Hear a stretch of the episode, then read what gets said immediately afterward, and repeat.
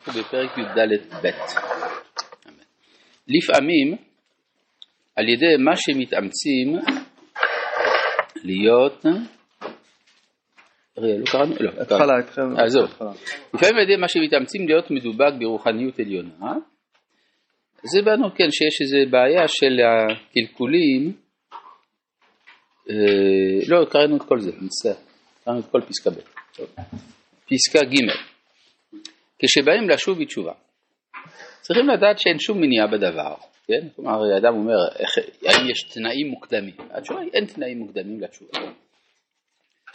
אפילו אותם 24 דברים המעכבים את התשובה, תכף כשמבקשים ובאים לשוב עליהם, שוב אינם מעכבים. מה זה הדברים המעכבים את התשובה? למשל, גזל ואינו יודע ממי גזל. אז חלק מהתשובה זה להחזיר את הגזלה, הוא לא יודע למי. אז זה מעכב את התשובה. אבל אם הוא החליט שהוא רוצה לחזור בתשובה מזה, אז גם פתאום יימצא אותו אדם. כלומר, יהיו דרכים שיביאו. אה, אז זה מה ש... אה, אז יותר כשמבקשים מובאים לשוב עליהם, שוב אינם מעכבים.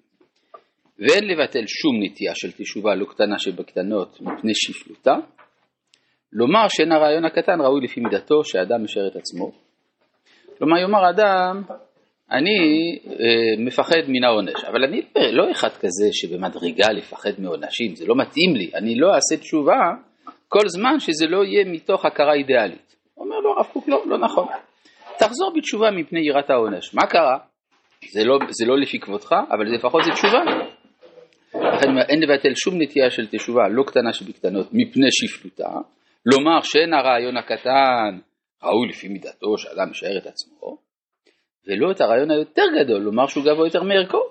כלומר, אדם שיש לו הרבה עבירות והרבה יצר הרע וכולי, פתאום הוא מתעורר לתשובה מתוך אהבת כלל ישראל או תיקון השכינה. יגיד, מה אני אעשה תשובה בגלל תיקון השכינה? נו באמת. אני אעשה תשובה רק כשיהיה לי יראת העונש.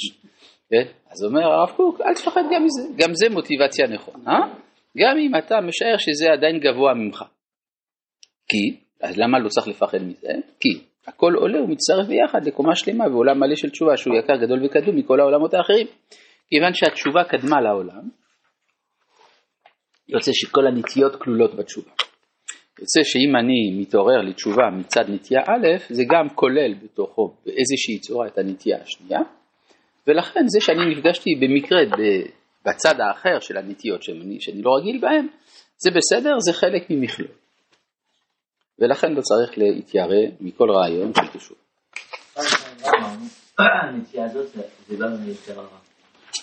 לא לא נכון? מה מהיצר הרע? שה...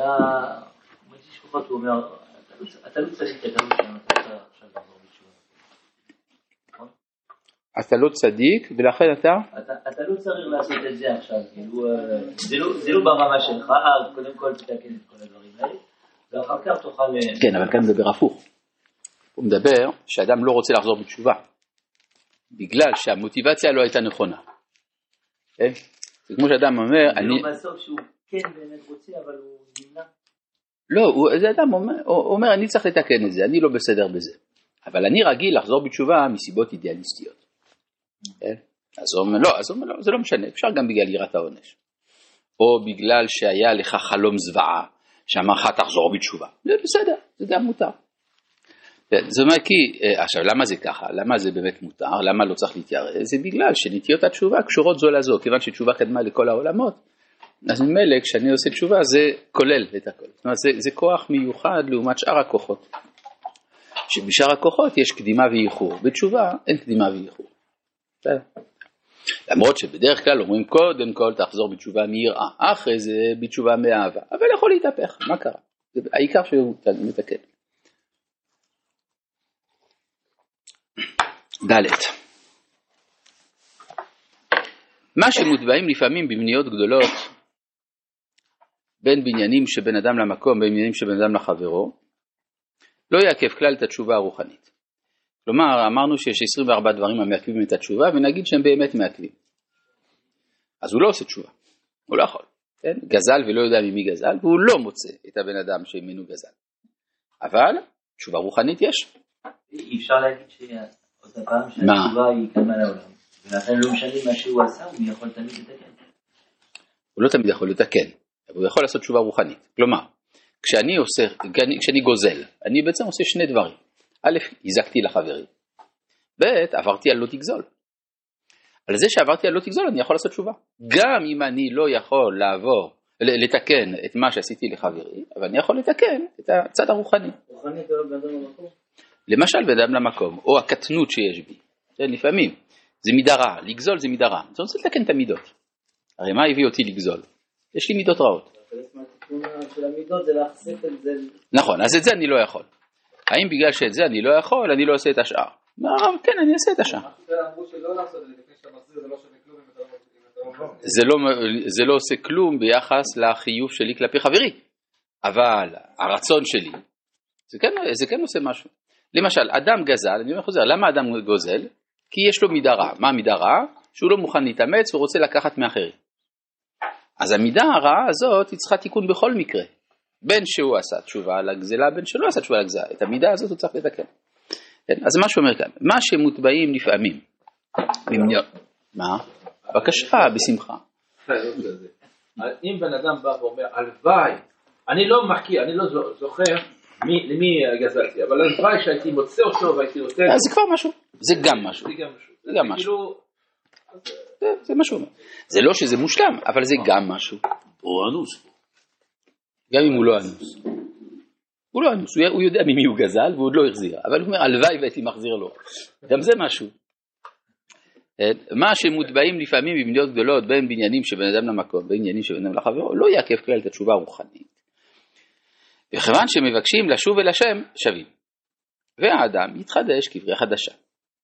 והציצים המעשיים שצריכים בזירוז גדול לתקנם יצפה עליהם תמיד לתקנם. מה זה הציצים? זה מושג בברית מילה, שאדם מסיר את העורלה, אבל לפעמים יש ציצים המעכבים. ציצים המעכבים, כלומר שנשארו חתיכות בשר של העורלה, שאם הוא לא יחתוך אותם, ברית המילה לא עלתה.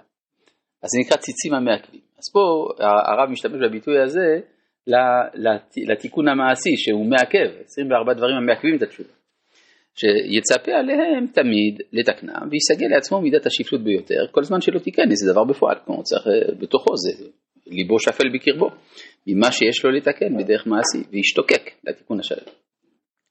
וממילא יבוא הדבר לידי כך שיעזרהו השם יתברך לתקן הכל בפועל. זה אמונה גדולה, שבסוף זה יסתדר. אבל גם כשלא נזדמן לו עדיין התיקון. בין מצד מיניות חיצוניות ומצד מיניות פנימיות שעדיין אין רצונות עקיף כל כך. כלומר הוא עוד לא ממש החליט לעשות תשובה, כן, כי זה נכון שאסור אה, לנסוע בשבת, אבל הפרנסה מה אפשר לעשות. כן, וההסכמה לדרכי התיקונים המעשיים עדיין לא באה לו בהשלמה. מכל מקום, יוחז בתשובה רוחנית בכל עוז ואומץ, ויתקיף בדעתו, שסוף כל סוף אחוז הוא בתשובה שהוא עניין יקר מכל מה שבעולם, וירבה בתורה, במידות טובות, בחוכמה ובהנהגה ישרה, בכל מדי אפשר לו. בבית הכנסת של סבא שלי בפריס, ריבפרוע, היה שם סעודה שלישית. והיה שם, סעודה שלישית, זה, זה מדבר על הצד האשכנזי שם, שיושבים בבית הכנסת. אז היה שם, אה, עושים סעודה שלישית עם אה, שירים והכל. והיה איזה יהודי שהיה מגיע רק לסעודה שלישית, וכל הסעודה שלישית היה בוכה. מה התברר? האיש הזה מפני פרנסתו היה עובד, היה עובד במשאיות או לא יודע מה זה, אבל אחרי הצהריים היה בא לתפילה. כן. שבת הוא היה מגיע ממש בתקופה, בזמן הזה שיצאת. וישפוך שיחו, אבל יש לזה מעלה, זה משהו, וישפוך שיחו בתפילה לפני קונו, להוציא אל הפועל את חלקי התשובה שעדיין לא יצא לפועל, הוא צריך גם להתפלל על זה, בעבור עצמו ובעבור כלל ישראל ובעד כל העולם כולו ובעד תיקון הכללי של השכינה אור השם בעולם שיהיה בתכלית השלמות. כלומר, הוא אומר לקדוש ברוך הוא, אני מבקש שתעזור לי, לא למען עצמי אלא למען תיקון הכל, שזה מהקלפים המנצחים אצל הקדוש ברוך הוא, שזה הג'וקר, כן, שזה למען שמך, שמך, זה אני, כן, וישתוקק, שכל, שכל הנשמות תהיינה מתוקנות ונהנות סביב השכינה, והכל ישבעו טוב בשפעת חיים. זאת אומרת שאדם שעושה תשובה במובן הזה, אז אף על פי שיש לו מיניות מעשיות ודברים שהוא לא תיקן, זה, זה גם פועל, וייתכן גם שהוא לא יתקן בסוף. אבל ההשתוקקות הזאת, גם היא עשתה משהו, ותיקנה הרבה דברים בעולם. רבי חנניה